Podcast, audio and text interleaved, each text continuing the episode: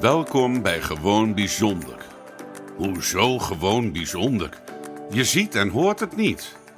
Hij is een halve Afrikaan en zij een hele Koreaan.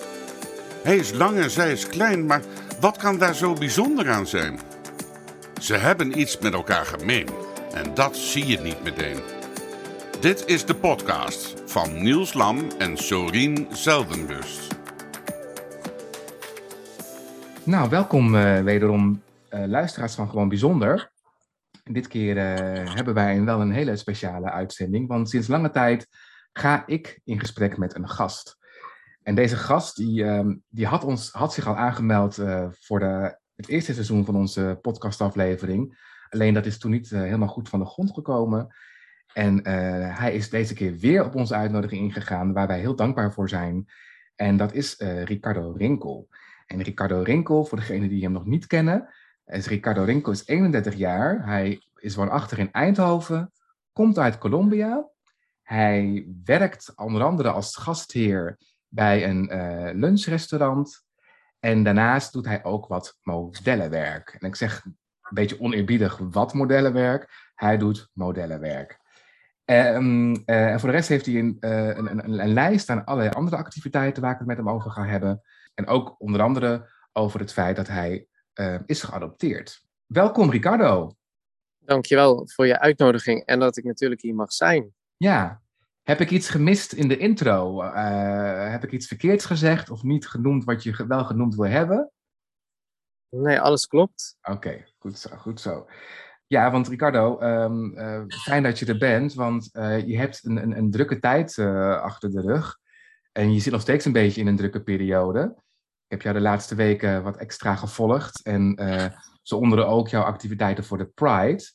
Hoe voelde je je vandaag? Ik voelde mij vandaag echt uh, super, super goed. Ik heb uh, namelijk met een medefinalist ben ik naar het stadshuis geweest in Eindhoven. Ja. En heb ik daar een interview gehad voor onze deelname als finalist van Mr. Senior Netherlands maar daarnaast ook uh, over diversiteit en voor de LGBT-community. Of uh, ja, dat Eindhoven gewoon eventjes een, een level hoger uh, wil gaan. Voor de community. Ja, dus nu, nu, nu, nu, geef jij in je antwoord al een aantal thema's en onderwerpen waar, waar, waar ik het met je over wil hebben. Want inderdaad, je noemde Mr. Senior Netherlands verkiezingen. En inderdaad de LHBTI-gemeenschap ik ga toch beginnen met die Mr. Senior verkiezing. Want toen ik dat tegenkwam op jouw Instagram. Uh, en deze vraag uh, is jou al een keer eerder gesteld, volgens mij tijdens een radio-uitzending uh, van een aantal weken geleden. Dus ik ga je hem toch nog een keertje stellen. Als ik, dan, ik ben zelf namelijk naast mijn werk als coach ook seniorenadviseur in de voor de gemeente Arnhem. En als ik aan senioren denk, onze doelgroep is 70, 80 plus.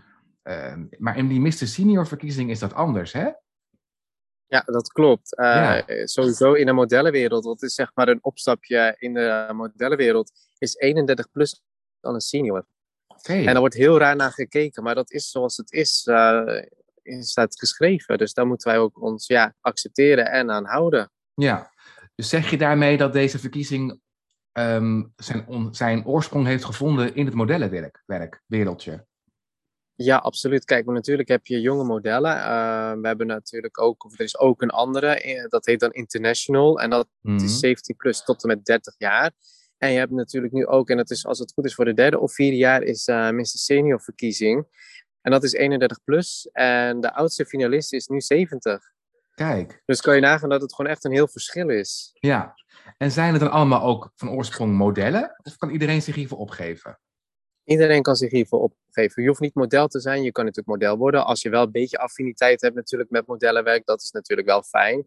Maar de mhm. een is acteur, de ander, uh, ja, ik zelf werk gewoon in de horeca. Ik doe daarnaast ook gewoon wat modellenwerk. Alleen, ik dacht, dit is ook een mooi platform om mijzelf te ontwikkelen. Uh, om verder te gaan natuurlijk in de modellenwereld. Ja, want dat was inderdaad mijn, mijn, mijn volgende vraag. Van wat heeft jou gebracht om deel te nemen aan deze verkiezing? Nou, om deel te nemen... Um, ja, ik wil mezelf verder ontwikkelen, wat ik net al zei, in de modellenwereld. Uh, mm -hmm. Daarnaast wil ik ook uit mijn comfortzone gaan met bepaalde uh, shoots. dat ik denk van oké, dit durfde ik eerst niet, maar nu moet het voor de, hè, voor de competitie. En het is ook gewoon zelfbewusting, mindset en dat allemaal. Dat is een traject van drie maanden. Oké. Oh, dat is echt Ja. wel een, een heel serieus eh, traject. Het is niet een, Ja, een verkiezing ergens eh, in de achterhoek eh, georganiseerd door de lokale, eh, eh, be- eh, hoe heet dat, Eh, bewonersvereniging of zo. Het is echt wel serieus. ja klopt. Ja. En ik hoor je ook zeggen dat je ehm, uit je comfortzone eh, eh, wil gaan stappen. Door bepaalde shoots te gaan doen. Eh, nou kennen de meeste mensen denk ik modellenwerk of, of, of dit soort verkiezingen van de, de mannen en de vrouwen die ook inderdaad een, een, een, in badkleding lopen, eh, allerlei vragen moeten beantwoorden.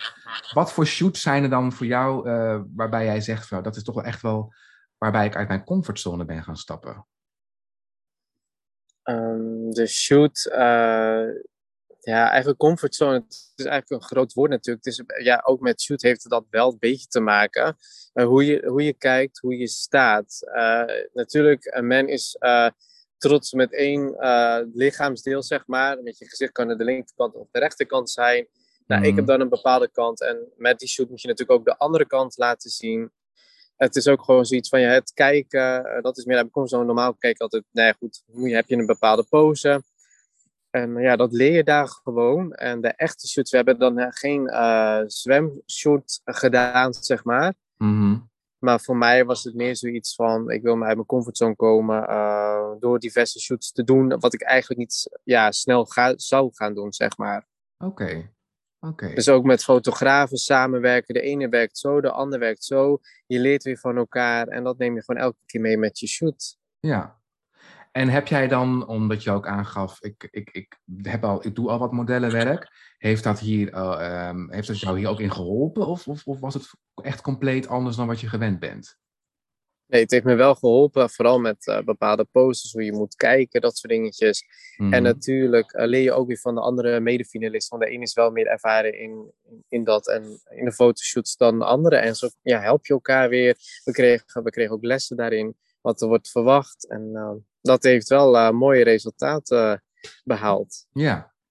En dan heb ik ergens gelezen dat de winnaar van deze verkiezing, die krijgt de mogelijkheid om te kiezen eh, ehm, uit allerlei coachings, workshops of methodieken. Kan je, wat, wat, wat, wat, is de, wat is de prijs eigenlijk?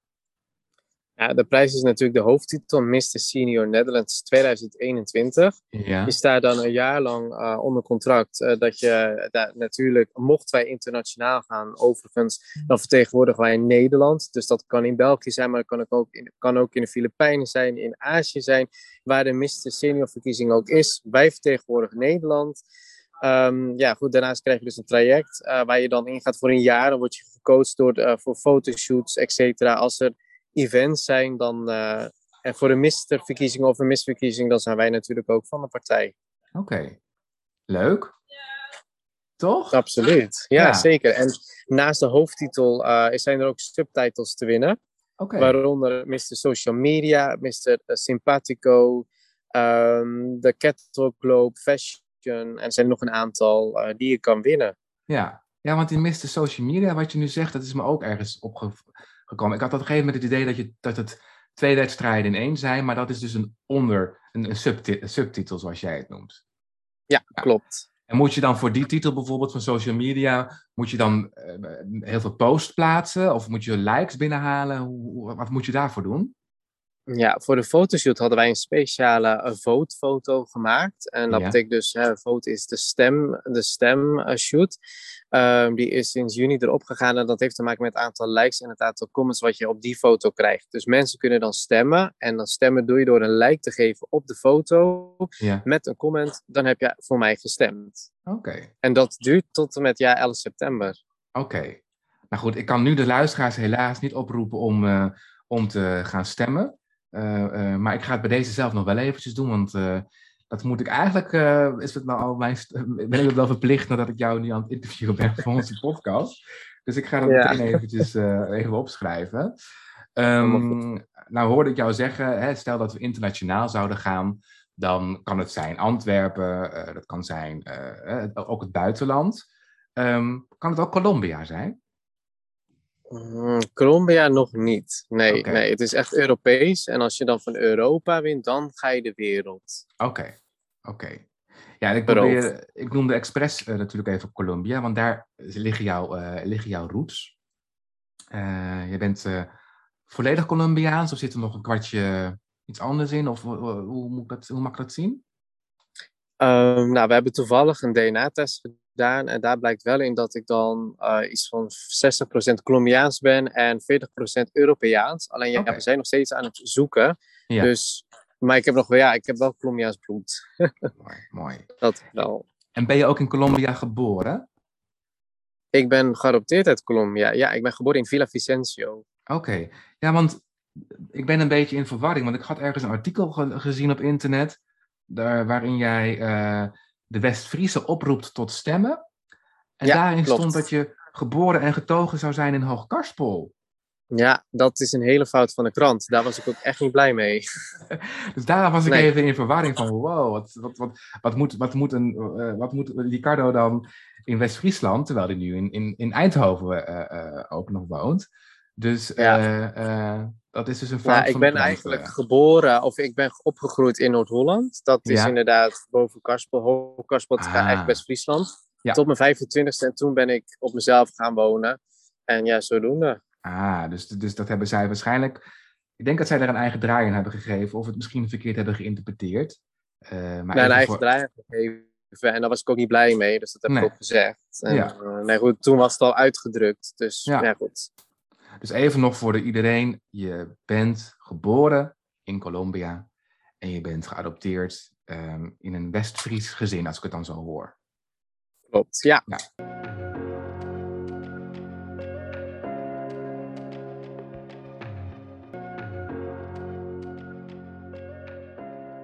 Dan ehm, ben ik wel even nieuwsgierig. Hoe, hoe, hoe kijk jij aan tegen eh, jouw eigen adoptie?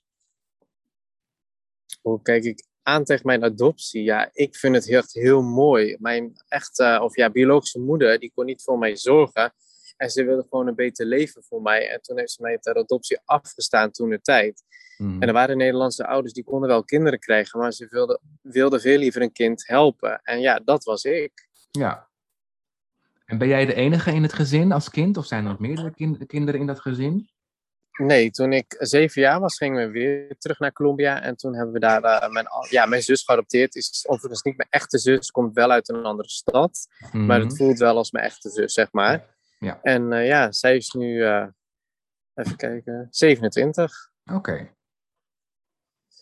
Ja. Mooi. En, en je, ik hoor je zeggen dat je jouw adoptie als iets heel moois hebt ervaren. Ehm, volg jij adoptie ook in het nieuws eh, de laatste tijd? Heb je ook bijvoorbeeld berichten gelezen en gehoord over mensen die niet zo blij zijn met hun adoptie of tegengeluiden over adoptie?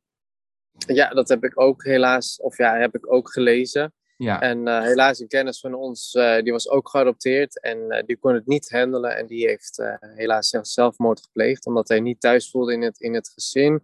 En dat was allemaal drama en wij probeerden te helpen, maar helaas.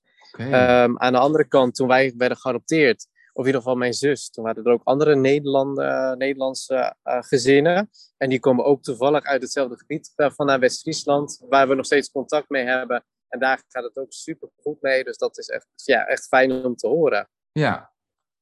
Maar En dus, dus, rondom, ik, ik zit zeg maar ook in twee groepen eh, op Instagram of op Facebook voor Ja. adoptie voor speciaal Colombianen. En Mhm. ja, daar lees je inderdaad wel eens een, een verhaal dat het niet goed gaat. Of dat ze zich niet thuis voelen. En natuurlijk ook weer wel. Dus het is een beetje, ja, dubbel. Ja, ja.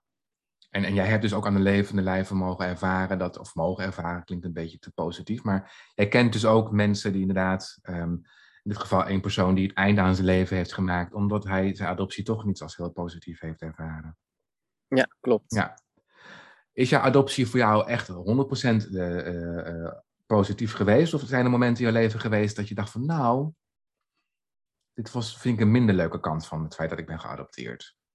Nee, eigenlijk, ik was baby. Ik was zeven maanden baby. Dus eigenlijk weet ik niet anders. En mijn ouders die ik nu heb, ja, dat is gewoon, ik kom echt uit een warm nest. Ja. Het, uh, het zijn echt topouders. Ik kan geen betere ouders wensen. Die accepteren mij, die respecteren mij.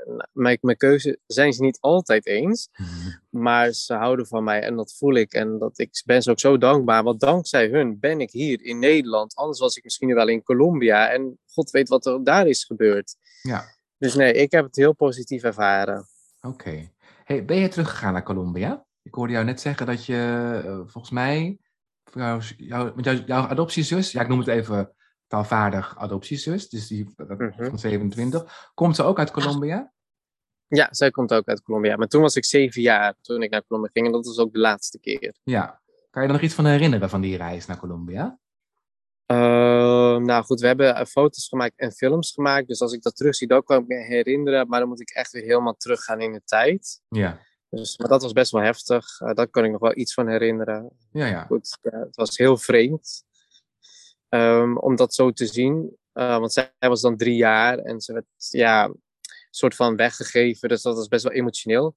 Mhm. Uh, die dagen, maar daarna verliep het allemaal hartstikke goed. Ja. En het voelde ze echt van nog, oké, okay, ik was haar grote broer. Mhm. Voor altijd. Ja. Dat is wel heel bijzonder. Absoluut. Ja. En welke plek um, uh, neem jij in in het gezin waar jij bent opgegroeid?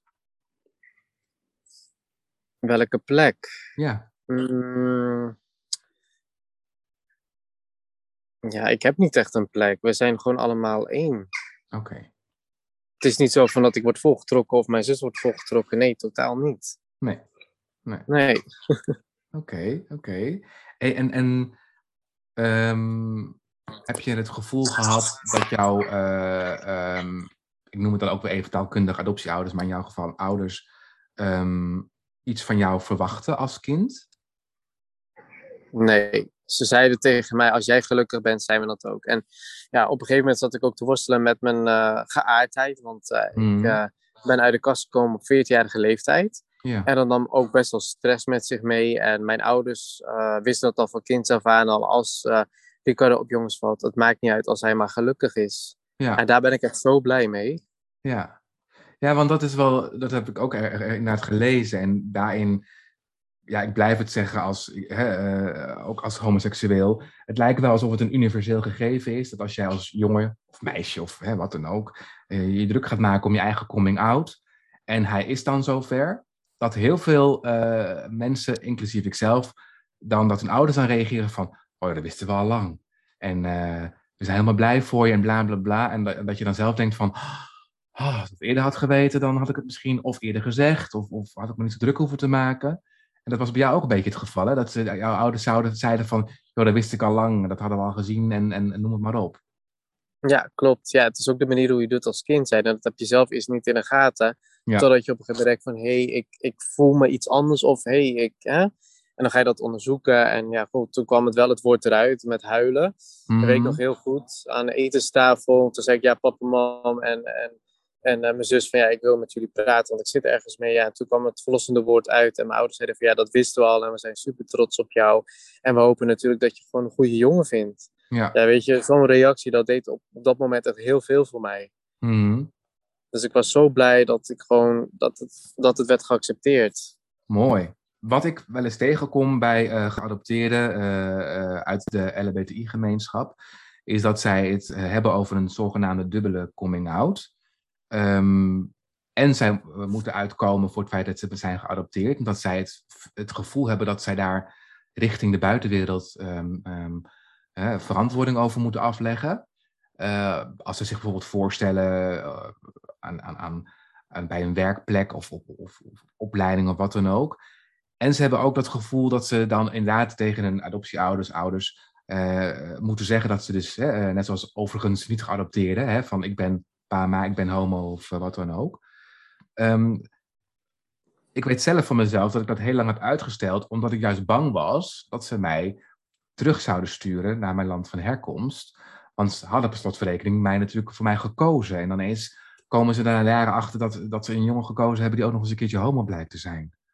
Mhm. Hoe, hoe, kijk jij tegen zo'n gevoel aan? Kan je, kan je er iets bij voorstellen dat dat, dat, dat, dat speelt onder geadopteerde LHBTI'ers? Dat ze het gevoel hebben dat, ze dat, dat het dubbel zo ja, moeilijk is voor hen?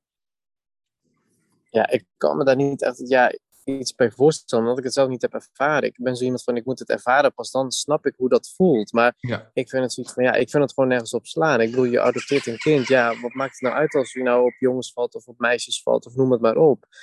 Je hebt ervoor gekozen. Jou voel, jij, En- voelde, niet- jij voelde niet een bepaalde druk bij jou van nou, ik zeg het extra expres maar niet, want eh, eh, je weet niet hoe ze gaan reageren. Nee, maar ik denk ook wel dat het met de opvoeding heeft ook te maken natuurlijk met ouders. Mijn, mijn opa, die was ook gewoon zo van, weet je, iedereen is gewoon gelijk en het maakt ook niet uit. En toen ik als Mhm. kind zei van opa, zei mijn opa eigenlijk ook van, goh, mocht Ricardo op jongens vallen, dan respecteren we dat. En in de familie is iedereen gelijk. En dat, dat zeg ik, het heeft echt met opvoeding te maken, ook namelijk ook van de ouders en ook natuurlijk met mensen die je omgaat. Want ik merk in mijn omgeving, mijn hele familie, die accepteert het gewoon. En die vindt Ja. het gewoon super knap wat ik natuurlijk ook allemaal doe. Maar dat ik ook gewoon mezelf blijf. Ja. Heb jij wel eens iets vervelends meegemaakt vanwege je seksuele geaardheid? Ja, dat helaas wel. Ik ben eh, op 14-jarige, maar eigenlijk 15 jaar ben ik eh, bedrijfd geweest. Ik zat toen een tijd op atletiek en ik reed snel, of ja, s'avonds naar huis. En ik werd klemgereden door twee jongens. En eh, die pakten bij me snelbinder en die zeiden hele vervelende dingen. Dat ik, eh, eh, dat ik weg moest, dat ik dood moest, et cetera. En nou, ik weet niet wat ik toen had. Misschien dat mijn echte moeder op mijn schouders zat, want ik voelde een bepaalde kracht. En toen zei ik van, ja goed, het is niet eerlijk hè, twee tegen één. Ik zeg, ik ga er ook een maatje van me bij halen. Dan is het twee tegen twee. Om zo tegen mij te doen. En dat hadden ze niet verwacht. Hmm. En op een gegeven moment lieten ze mij los. En toen fietste ik keihard weg. Ik dacht, ik ga niet naar mijn eigen huis. Want ik wil niet eh, dat ze weten waar ik woonde. Dus ben ik naar iemand anders toe gefietst en toen weer terug. En toen kwam ik huilend thuis. Heb ik alles verteld en gelijk aangifte gedaan. En de volgende dag ook op school aangifte gedaan. En eh, nou, niks meer van gehoord. En een jaar later kwam die persoon juist naar mij toe. En die zei ze van ja, het spijt me wat ik toen de tijd heb gedaan. Ik zeg, raak me met geen vinger aan of ik doe jou wat aan. Hmm. Ehm, ja, en tot op heden gelukkig niks meer gebeurd. Alleen op dat moment dacht ik echt zoiets van oké, nu ben ik dood. Ja. Maar ergens was er toch een bepaald engeltje, een duiveltje dat toch dacht van hé, hey, je kan dit. ja, en ik hoor je zeggen, wellicht misschien hè, eh, je biologische moeder. eh, wie weet, dat zou, eh, dat Ja. zou heel goed kunnen.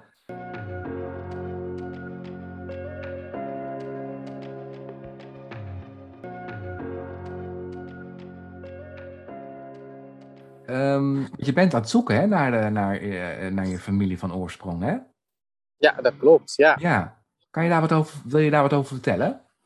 ja absoluut. Ja, eh, sinds kort eh, zijn eh, mijn vader, of eigenlijk mijn ouders, eh, mijn zus en ik, eh, willen graag eh, weten wie onze biologische ouders zijn. En zijn we de zoektocht begonnen met eh, in het begin een DNA-test eh, te doen. Alleen daar kwamen, werden we niet echt wijzer van. Dus we hebben nu een plan van aanpak van oké, wie gaan we benaderen? Hoe gaan we het aanpakken? En binnen nu en twee jaar hopen we wel eh, in ieder geval mijn droom en mijn zusdroom te realiseren. En is dat dan voor kinderen die uit Colombia zijn geadopteerd eh, anders dan bijvoorbeeld kinderen die uit Korea of India ge- geadopteerd zijn? Heb, jij, heb jij inderdaad ingangen waar je kan beginnen? Ja, wij hebben ingangen, specifiek ingangen in Colombia zelf ook. Want er is een organisatie die zit ook in Colombia en eh, in Nederland. En die werken samen en die hebben heel veel connecties daarmee. Dus daar gaan wij een beroep op doen. Ehm, daarnaast, toen mijn ouders mij hebben geadopteerd, hebben zij ook een stichting benaderd. En die kunnen ons nog steeds helpen, want we staan ook natuurlijk in het archief. Mhm. Dus eh, dat wordt allemaal achter de schermen uitgezocht. Alleen Ja. het duurt heel, helaas eh, langer dan verwacht, eh, ook door COVID. Maar Mhm. natuurlijk zijn er heel veel Colombianen ook getroffen door COVID. Dus het is allemaal eventjes afwachten, maar we gaan ervoor. Ja. En wat is, wat is, met welke reden ben jij gaan zoeken naar, jou, eh, naar jouw ouders van oor- familie van oorsprong? Eh, ik wil graag weten waarom ze mij eh, heeft geadopteerd. Het staat wel in papier, maar goed, papier wil niet altijd kloppen. Ik wil Mhm. weten wat ik van mijn moeder heb, van mijn vader heb, karakter, mijn uiterlijk, noem het maar op. Ja. En wat is dan de reden dat je dat z- zou willen, waarom wil je dat weten? Waarom ik dat wil weten is omdat ik er dan ook een streep kan achter zetten. Want ik vind het natuurlijk wel leuk van, hé, hey, dit heb ik nou echt van mijn moeder of van mijn vader. Of ja, dat is gewoon eigenlijk eh, de reden waarom ik dat wil weten. Oké. Eh, En stel nou dat er niks uit gaat komen, hè? Wat betekent dat dan voor jou? En daar heb ik daar eh, vrede mee, want het is natuurlijk 50% kans of ik kan ze vinden of niet. En als ik ze niet kan vinden, helaas, ik heb het wel geprobeerd. En alsnog wil ik dan naar Colombia toe gaan vanwege de cultuur en, en andere dingetjes. En wie weet heb ik wel broers en zussen. Ja. Dus dat is ook nog wel iets leuks om uit te zoeken.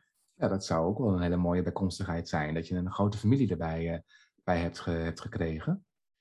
Ja, absoluut.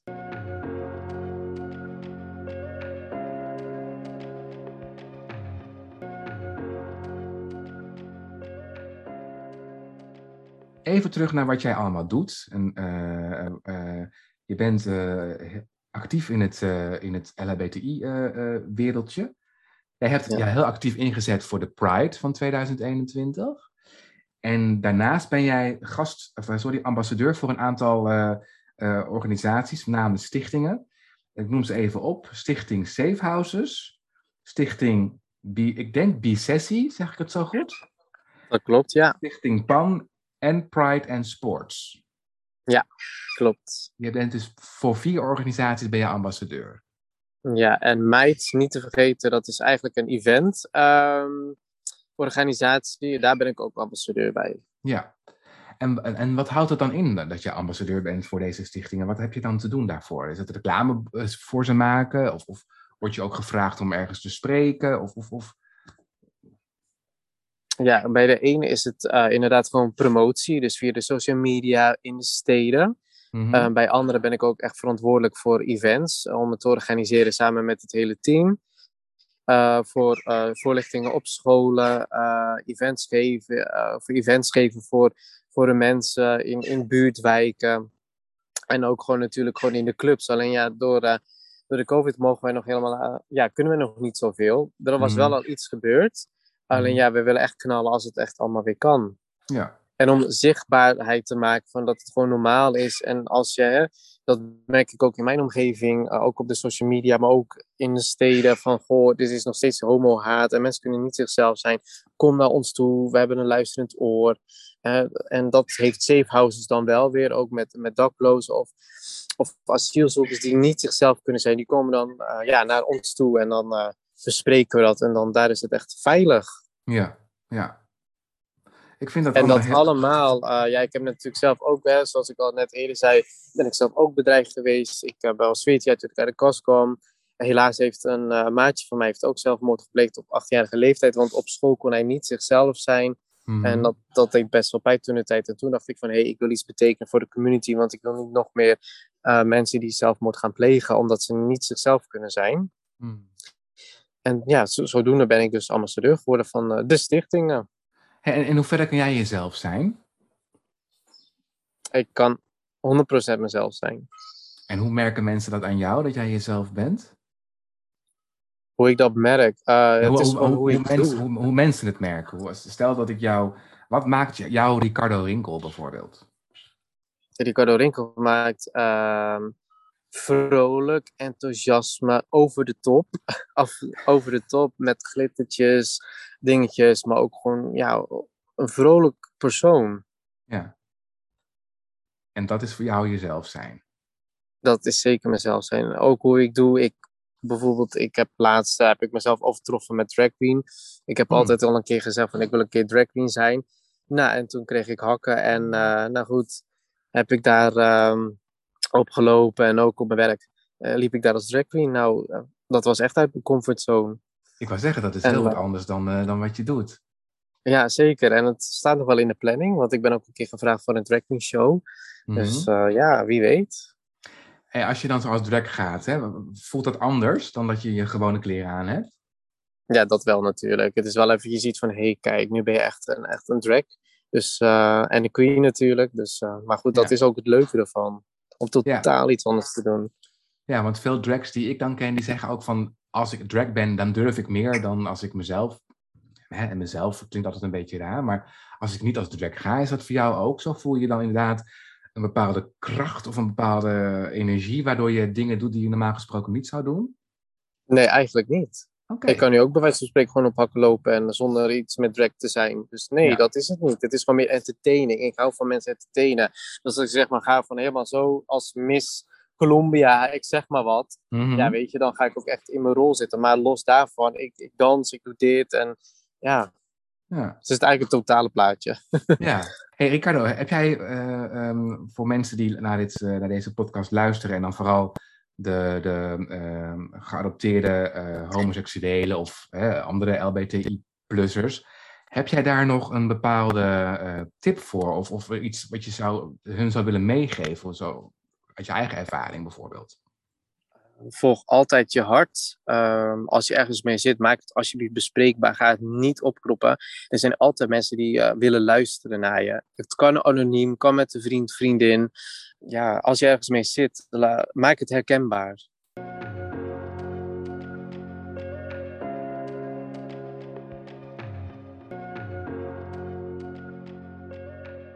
Als je terugkijkt naar je leven, hè, wat je tot dusver uh, hebt geleefd, zijn, leeft, zijn er dan dingen die jij eventueel anders had willen doen? Mm, anders had willen doen. Um, ja, wel op school een aantal dingetjes. Dat ik denk van oké, dat is achteraf wat ik misschien anders moeten aanpakken. Maar voor de mhm. rest, mijn coming out, hoe ik het allemaal heb ervaren, nee, dat, dat nee, 100% niet. Ja, want je was vrij. Nee, ik ben blij zoals het nu gegaan is, want dat maakt mij nu hoe ik ben. Ja, ja, want je, bent, je was inderdaad 14, 15 toen je eh, volgens mij een beetje gedwongen bent geweest om je coming out te doen. Omdat iemand er met een profiel van jou aan de haal was gegaan of zoiets. Klopt, ja. Dat was op uh, eh, VMBO. Ik had inderdaad uh, een gay-profiel. Ja. En iemand was erachter gekomen en die had het doorgestuurd naar de hele af, afdeling. Want ik zat toen een tijd op het VMBO. Hmm. En ja, toen kwam ik er ook niet meer onderuit. En ja, ja goed, toen werd ik inderdaad gedwongen om het herkenbaar te maken. Alleen toen de tijd zat ik ook in een sportklas. Ja. En je raadt natuurlijk al onder de douches. Dus dat was een beetje een dubbel gevoel. Maar ik dacht, mijn docent wist het eigenlijk al. Die had ik al ingelicht. En die zei, Ricardo, ik sta 100% achter jou. En ja, toen kwam het hoge woord eruit. Ik kwam ook in de, of ik kwam uit de kast, in de klas voor ongeveer 40 leerlingen. Mm. En op 14-jarige leeftijd. Dus dat was echt een hele mooie ervaring. Ik kreeg applaus. En daarna ook zelfs, ik moest een top 10 maken van de meest knap jongen van de klas en van school. Ja, hoe leuk is dat als hetero jongens dat aan jou vragen? Dat is voor mij echt dat ik denk van, kijk jongens, het kan ook gewoon zo.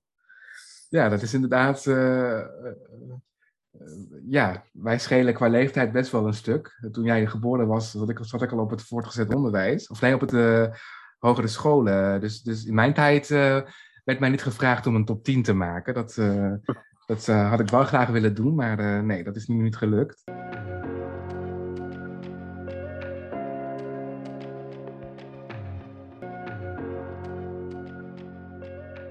Wat zijn jouw plannen voor de toekomst, Ricardo?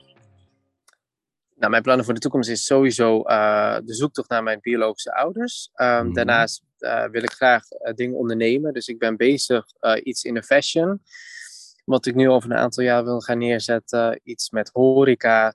Uh, veel meer inzet voor de LGBT-community, ook uh, voor Eindhoven. En dat allemaal, uh, ja, dat is een beetje mijn toekomst. Ja, en je zei ook hè, dat je dus op de, het stadhuis was geweest en dat er ook gesproken is over inclusie en diversiteit. was dat een verrassing of was het van tevoren al aangegeven dat je daarover zou hebben? Of kwam dat helemaal uit, uit het niets te sprake?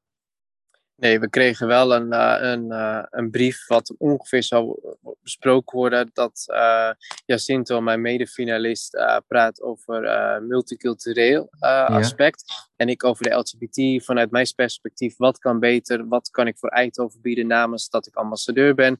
Daar hebben we even over gesproken. We hebben telefoonnummers uitgewisseld. Dus in de toekomst kan dat echt iets heel moois worden. En wat zou er volgens jou beter kunnen voor de LHBTI-community?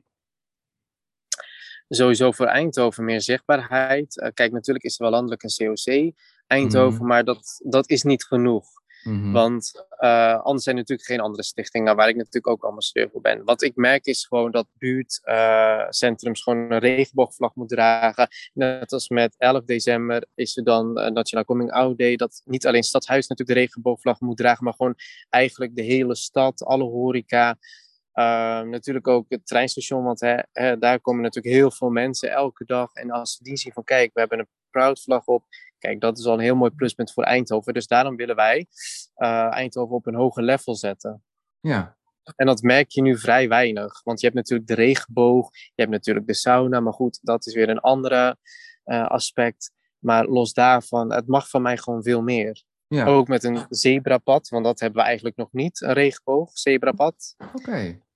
Dus wie weet in de toekomst, uh, als ambassadeur zijn van de community en samen met de andere mensen, de raadsleden, kunnen we misschien iets moois gaan zetten voor in de toekomst. Ja. Nou, ik, uh, ik, ik zou zeggen, uh, doe je best daar, daarvoor. Nou heb ik nog een, een, een, paar laatste vragen. En, en een van die vragen um, is... Um, je hebt, heb jij, ik heb ergens gelezen dat je voor de liefde naar Eindhoven bent gekomen. Is er nog steeds sprake van die, de relatie of ben je dit inmiddels vrijgezel? Nee, dat is nog steeds gaande inderdaad. Ja, absoluut. Vier jaartjes. Oké. Hey, en en, en hoe, hoe, hoe, hoe, hoe gaat dat voor jou? Uh, um, uh, merk je daarin bijvoorbeeld uh, iets van jouw achtergrond als Colombiaan of dat je geadopteerd bent? Hoe, hoe, is, de, hoe is dat in jouw huidige relatie? Ja, je merkt het wel, zeg maar. Want kijk, Colombianen zijn natuurlijk temperamentvol. En mijn vriend komt van het kamp af. En dat heeft natuurlijk ook zijn temperament. Dus we kunnen lekker uh, kibbelen met elkaar. Maar dat maakt juist ook wel weer leuk. Ja. Zodat, hè, ik heb ook tegengas nodig. En hij natuurlijk ook. Dus we, we vullen elkaar echt aan. Mm En dat is ook best wel belangrijk, vind ik, in een relatie. Ja. Zijn er nog plannen om het gezin uh, uit te gaan breiden? Nou ja, we eigenlijk hebben nu al een klein gezinnetje. We hebben twee viervoeters, dat zijn onze baby's. en ja, we weten, kijk, je kan nooit natuurlijk in de toekomst kijken, maar we zijn wel hard op weg voor onze doelen en dromen. Ja. En natuurlijk om samen iets moois neer te zetten. Dus ja. Want hoe kijk jij tegenover, hè, de, laatst was er in het nieuws dat er een, een, een homostel is uh, die een kind hebben gekregen met uh, best wel heel veel uh, eigen genen. Zou dat, middels een draagmoeder en IVF-behandeling. Zou dat iets voor jullie kunnen zijn? Of, of zeg je van nou, dat hoeft voor ons niet zo nodig, een, een kind van onszelf. Wij, wij houden het bij onze twee trouwe viervoeters. Ja, ik heb altijd gezegd dat ik kinderen wil. Dat blijf ik nog steeds zeggen. Maar goed, eh, de tijd gaat ook op een gegeven dringen, want ik ben natuurlijk wat ouder. Um, ja, goed, mijn vriend wil een kind van zijn eigen, wat ik snap. En ik wil een kind juist adopteren. En waarom? Omdat ik zelf ook geadopteerd ben. En ik wil juist om die reden ook een kind kunnen helpen. En okay. alle liefde kunnen geven wat hij nodig heeft. Oké, oké. Heb jij nog iets wat je zelf nog zou willen delen met mij of met onze luisteraars? Of heb je een vraag aan mij bijvoorbeeld? Ja, hoe is het eigenlijk bij jou uh, gegaan? Want ben je ook bijvoorbeeld geadopteerd of waar kom jij vandaan? Ja, ik ben inderdaad ook geadopteerd. Ik ben uh, in Nederland geboren in Oosterbeek. En ik ben uh, met drie maanden opgegroeid in mijn adoptiegezin. en net als jij heb ik een, een, voor mij doen een hele leuke normale jeugd gehad ik denk dat mijn vriendjes en vriendinnetjes meer problemen maakten van het feit dat ik geadopteerd ben dan dat ik zelf was. Want ik kreeg net zo vaak straf van mijn, ouders als uh, ieder ander. Dus daar was helemaal niet, uh, niet heel spannend. Um, ik merkte alleen, ik merk nu wel, op mijn huidige, in mijn huidige levensfase, dat er in mijn leven, zowel op de lagere school als de middelbare school, dingen zijn gebeurd die um, te linken zijn aan het feit dat ik ben afgestaan. En waarbij ik op dat moment niet de juiste ondersteuning kreeg van een leraar, van een mentor, van een huisarts, uh, noem het maar op. Waardoor ik niet de juiste begeleiding heb gekregen. En dat op latere leeftijd heb moeten corrigeren. Wat ik dus nu ook aan het, aan het doen ben. En ja. um, ik heb contact met mijn moeder, um, uh, alweer 21 jaar dat was, het uh, dat was op zich wel vrij eenvoudig, omdat mijn moeder Nederlands is. Dus dan is het zoeken wat, uh, wat makkelijker, gelukkig. Um, van mijn vader is geen informatie beschikbaar. Dat gaat hem ook niet worden. En, en daarin heb ik te accepteren dat ik hem nooit zou uh, fysiek gaan ontmoeten. Um, ik weet wel onder, onder, ondertussen uit een aantal DNA-tests dat ik uit, uit Nigeria kom. Althans, mijn vaders deel is Nigeriaans. En mhm. alleen dat al is voor mij al een hele fijne, fijne constatering, omdat ik dan toch voor mijn gevoel uh, meer kan zeggen dan uh, daarvoor, hè, waar ik echt vandaan kom. Ja, ik, ik, ik, ik, ik kijk misschien op een door een andere bril naar adoptie uh, dan wat ik jou heb horen zeggen. nogmaals, ik, ik heb hele fijne adoptieouders. die hebben mij ook met de beste bedoelingen inderdaad een leven gegeven. Maar juist ook als, hè, als mijn vak als adoptiecoach bijvoorbeeld, een levenscoach, um, kom ik ook in aanraking met de andere kant van het adoptiestuk. En dat, ehm, ja, dat kleurtje kijkt toch wel op een bepaalde manier. Ik leef mijn leven. Ik, ben, ik, leef, ik leef het leven. En het leven is uh, hobbels en bobbels, eb en vloed, uh, noem het maar op. Klopt. Ik ben niet alleen geadopteerd, ik ben ook homoseksueel, ik ben ook nog een man. Dat is denk ik een beetje het, het pakketje wat je hebt uh, te omarmen als persoon. Zo kijk ik yes. er aan. Oké, okay, mooi verhaal ook, dankjewel. En jij bedankt voor je, voor je vraag. En dan, uh, dan mijn allerlaatste vraag aan jou is: wat maakt jouw leven nou gewoon bijzonder? Mijn leven maakt mij gewoon bijzonder dat je gewoon jezelf kan zijn. Ik, ik volg mijn passie, ik volg mijn dromen. En het allerbelangrijkste is gewoon je hart blijven volgen, wat er ook gebeurt. Ups en downs, uh, ja, tegenslagen, maar geef gewoon nooit op. Dit was de podcast van Gewoon Bijzonder. Niels en Sorien horen graag wat je van de podcast vindt. Wil je een review achterlaten of wil je iets delen? Je kan ze vinden op Instagram, Facebook en hun eigen website gewoonbijzonder.nl. En als je daar dan toch een kijkje neemt, volg, like en deel deze podcast. Dankjewel.